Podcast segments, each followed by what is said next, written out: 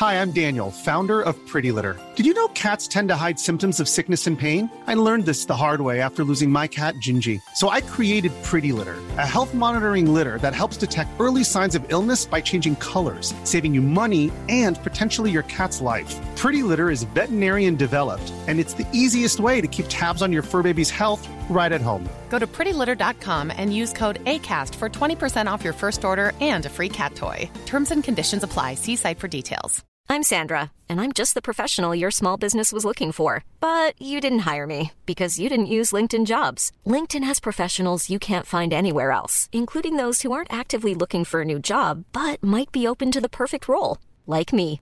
In a given month, over 70% of LinkedIn users don't visit other leading job sites. So if you're not looking on LinkedIn, you'll miss out on great candidates like Sandra. Start hiring professionals like a professional. Post your free job on linkedin.com/people today. Even when we're on a budget, we still deserve nice things.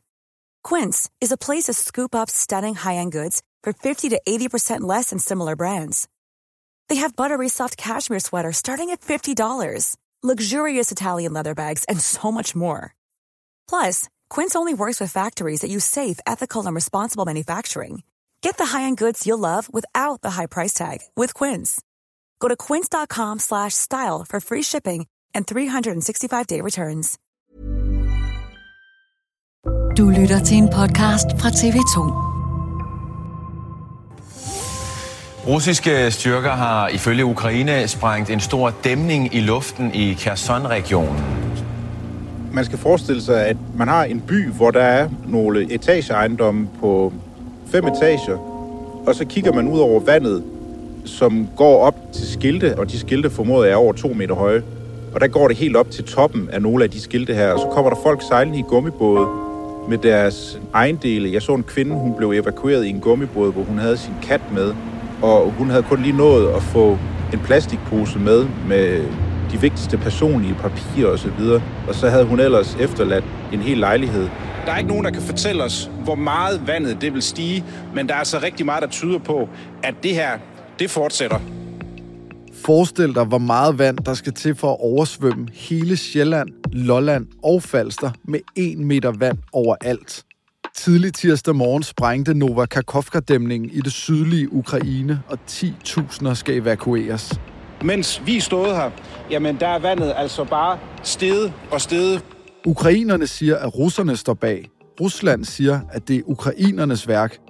Men hvad er op og ned, og hvad kan en sprængt dæmning betyde for krigen i Ukraine? Det er dato i dag. Mit navn er Joachim Claus Høj Bindslev.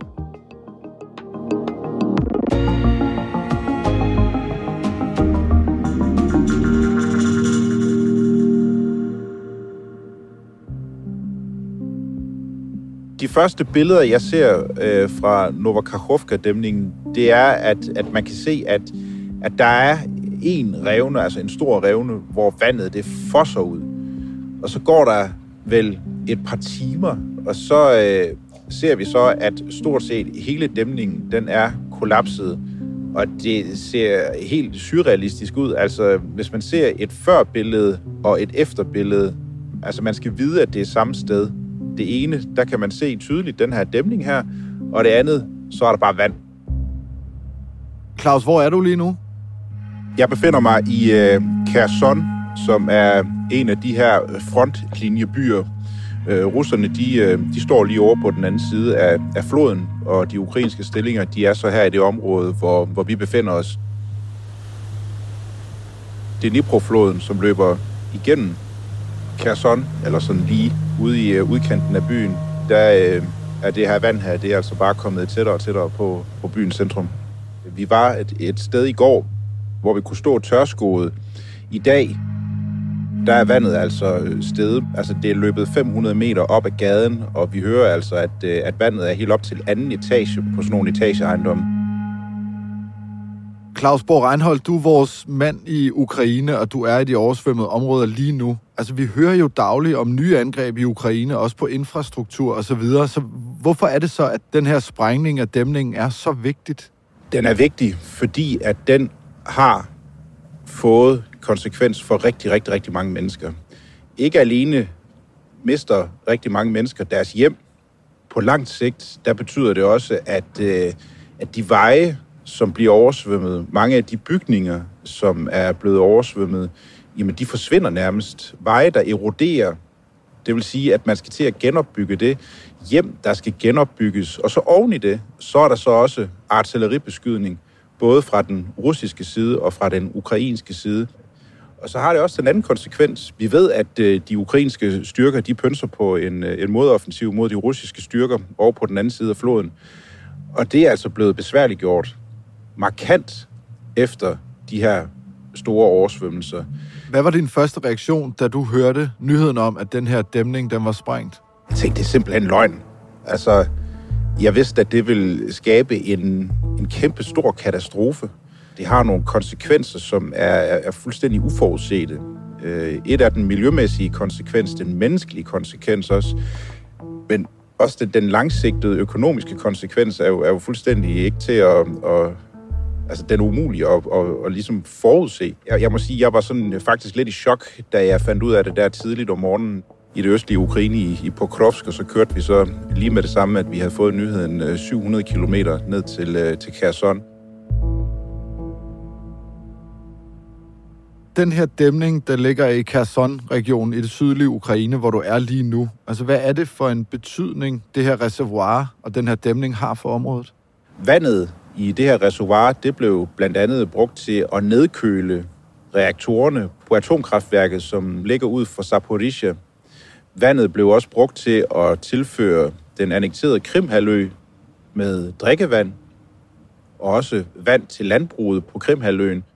Claus, Rusland har jo længe haft kontrollen med den her dæmning. Sidste år, der advarede Ukraines præsident Zelensky så om, at russerne havde sat sprængstoffer på den her dæmning. До якого Росія готується на Каховській гідроелектростанції. За нашу інформацію, агрегати і дамба Каховської ГЕС заміновані російськими терористами. Hvad var det, han sådan sagde og frygtede dengang? Han frygtede jo sådan set det, der er sket. At uh, han frygtede, at russerne de kunne finde på at, at sprænge dæmningen i stykker, sådan så vi har det scenarie, som udspiller sig lige nu, altså med kæmpestore områder, der er blevet oversvømmet. Ifølge Zelensky, så var det jo russernes mission at, at hindre, at der skulle komme angreb fra ukrainsk infanteri, altså at øh, ukrainske fodsoldater skulle krydse Dnipro-floden og så angribe de russiske stillinger. Det er jo ikke første gang, at vi ser dæmninger blive angrebet i krigen i Ukraine. Altså for eksempel sprængte ukrainerne en dæmning på Irpin-floden, lige da invasionen var begyndt. Hvorfor gjorde de det dengang? Det er fordi, de kunne se, at øh, russiske kampvogne de trillede mod Kiev, og så tænkte man, at hvis nu, at vi sprænger den her dæmning i luften, så oversvømmer vi et område.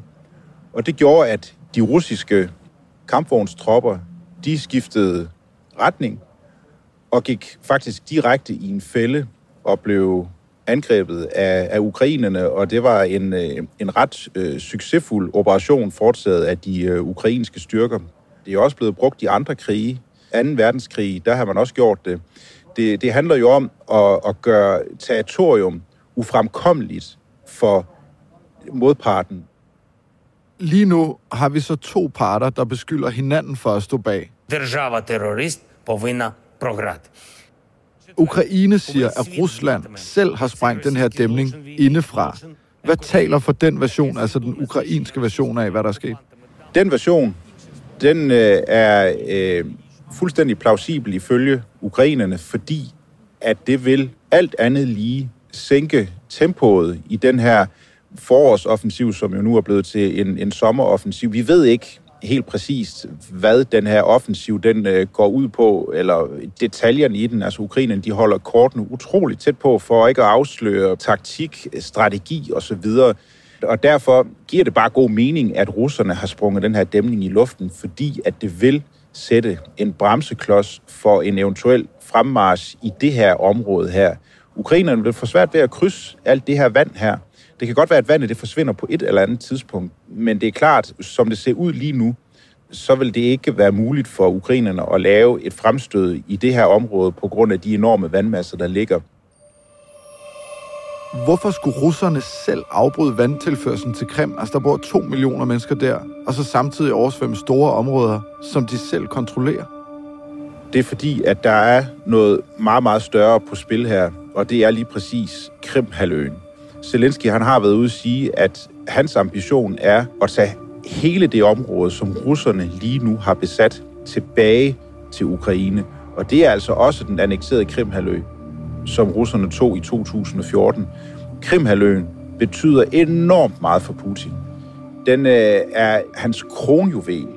Det vil være et historisk nederlag for Rusland, for deres folkesjæl, for deres selvforståelse, og selvfølgelig også for Putin, hvis det er, det lykkes ukrainerne at generobre Krimhaløen. Så derfor vil Putin gå utrolig langt for at forsvare den. Så de her enorme vandmasser, der er blevet sluppet fri, de her 18 milliarder liter vand, som er blevet sprængt ud fra det her reservoir, og som lige nu flyder ned af floden og oversvømmer enormt store områder, det gør altså, at der er sådan en slags vandmur mellem de ukrainske styrker og de russiske forsvarende styrker over på den anden side. Russerne siger så omvendt, jamen det er Ukraine, der står bag det her. Altså fra Kreml, der lyder det, at det er sabotage. Киевский режим совершил еще одно преступление против людей. En lokal russisk indsat guvernør i området, han har kaldt det et missilangreb. Hvad taler for, at deres version holder, altså den russiske version? Novokakhovka-dæmningen, det reservoir, som var deroppe, og som nu er sprængt i stykker. Noget af det vand, det brugte de lidt over 2 millioner borgere på Krimhaløen, det brugte de blandt andet til at forsyne dem med drikkevand, men også vand til deres landbrug, så de kunne vande deres marker osv. Uden vand, jamen der fungerer et samfund ikke. Og for russernes synspunkt, der er det brud på nærmest menneskerettigheder, at øh, ukrainerne har stoppet den her vandtilførsel til Krimhaløen igen, vi aner ikke, hvem der har gjort det, men altså, der er mange scenarier, der taler for, at det kunne være russerne, men der er selvfølgelig også nogle scenarier, der taler for, at det kunne være ukrainerne, der har gjort det. I dagene op til, at det her sker, at dæmningen den går i stykker, den bliver sprængt, der er der satellitbilleder, der viser skader. Altså, at der er en eller anden form for læk. Altså, kan du udelukke, at dæmningen simpelthen ikke bare er kollapset, efter at der er blevet slået nogle små sprækker? Det kan jeg naturligvis ikke afvise, men der er jo også blevet offentliggjort billeder af, af sprængninger. Igen, vi aner ikke, om det er videooptagelser, som er blevet fabrikeret. Det er klart, der er selvfølgelig altid den mulighed, og vi er jo som journalister nødt til at holde alle scenarier åbne, ligesom vi også er nødt til at, at holde alle de informationer, som vi får, både fra den ukrainske side, men også den russiske side, ud i strakt arm, og så prøve på at bearbejde dem, og så se, okay, hvad er det mest sandsynlige, og så hele tiden lede efter beviser af den ene eller den anden art, altså prøve på at verificere videooptagelser, skjulte videooptagelser, alt muligt andet, og så er man naturligvis også nødt til at motivfortolke, altså hvem vil få mest ud af, at den her dæmning, den er blevet sprunget i luften. Og jeg må jo så bare erkende, at indtil videre, så peger pilen mod Rusland. Hvilke reaktioner har der ellers været internationalt på den her hændelse? Det har været fordømmelse af Rusland. This is uh, an outrageous act which demonstrates uh, once again the brutality of Russia's war uh, in uh, Ukraine. Det internationale samfund har stort set taget stilling, og, det er, at øh, man mener, det er Rusland, der står bag. Det kan godt være, at der er udenlandske efterretningstjenester, som har adgang til nogle optagelser af, hvad der i virkeligheden er sket, eller som har nogle efterretninger, som fortæller dem noget, som peger retning af, at det skulle være russerne, der selv har plantet dynamit på den her dæmning her, og så sprunget den i luften. Det skal jeg ikke kunne sige. Øh, jeg har ikke set de endegyldige beviser for det. vandet i det her gigantiske reservoir, som dæmningen så at sige er dæmmet op for, det blev blandt andet brugt til at nedkøle Zaporizhzhia-værket, atomkraftværket, det største atomkraftværk i Europa. Betyder det her, at vi risikerer en atomulykke, fordi der ikke er nok nedkøling? Eksperter de har været ude at sige, at situationen for nærværende er under kontrol. It is estimated that this pond will be sufficient to provide water for cooling for some months. Der er også et mindre reservoir ved selve atomkraftværket, som altså bruges til at nedkøle de her reaktorer her. Men det er klart, de her vandmasser, som er blevet sluppet fri, altså de har jo ikke kun den konsekvens, at øh, mennesker de er nødt til at forlade deres hjem på grund af oversvømmelser. at øh, strømmen den går og bliver meget svær at reetablere, at ukrainerne måske får svært ved at, at lave en modoffensiv, men det har også den konsekvens, at det her atomkraftværk, det er også afhængigt af det her vand her. Consequences may be grave. Det har så mange uoverskuelige konsekvenser, som er ret svære at tage ind og ligesom prøve på at forstå, at det ikke bare er vand, der flyder ud i gaderne, og så er der lidt oversvømmelse. Nej, der er altså en risiko for også, at det her atomkraftværk, det kommer til at på en eller anden måde lide en eller anden form for skade, hvis det er, at man ikke får løst problemet. Betyder det her, at den der store ukrainske offensiv, vi har hørt så meget om, at den nu ligesom er i vasken? De kommer ikke videre end Dnipro-floden. Jeg vil ønske, at jeg kunne give et krystalklart svar på det. Jeg ved det simpelthen ikke fordi at Ukrainen de holder kortene så tæt til kroppen. De afslører ikke noget som helst, hvad der har med den her offensiv at gøre. Vi kommer ikke til at kunne sidde via direkte tv, som man kunne under Irak-krigen, og følge med i, hvordan krigen den gik. Ukrainerne de har en helt anden strategi, og det er at lukke fuldstændig ned. Og så først, når de har et tilfredsstillende resultat set ud fra deres briller, jamen så får man lov til som journalist og som almindelig person at få syn for savn for, hvad det er, at de har opnået. Så jeg kan ikke sige, at deres offensiv den er gået i vasken med alt det vand her. Men det, som vi i hvert fald kan konstatere, det er, at for en stund, så har det sat en ret stor sten i skoen på de ukrainske styrker, fordi at jo mere vand der er, desto sværere er det for deres militær at rykke frem. Omvendt, så er det godt nyt for russerne, fordi at de i hvert fald har nemmere ved at forsvare sig, fordi at det, alt det her vand her, det ligger imellem de russiske styrker og de ukrainske styrker. Tusind tak for øh, beretningen, Claus, fra øhm, endnu en fuldstændig vanvittig hændelse i den krig, der finder sted i Ukraine, og som du har dækket længe nu og bliver ved med at dække. Selv tak. Du kan få meget mere om dæmningskatastrofen og perspektiverne for krigen i Ukraine i aften kl. 18.20 på News i programmet Verden ifølge News. Dagens afsnit af Dato er tilrettelagt af Thomas Kahir Humle og Joachim Saxtorp Poulsen. Lyddesign står Leo Peter Larsen og Pauli Galskov for. Redaktør er Astrid Louise Jensen, og mit navn er Joachim Claushøj Bindslev. Hvis du kan lide, hvad du hører, så husk, at du kan følge Dato, hvor du lytter til din podcast.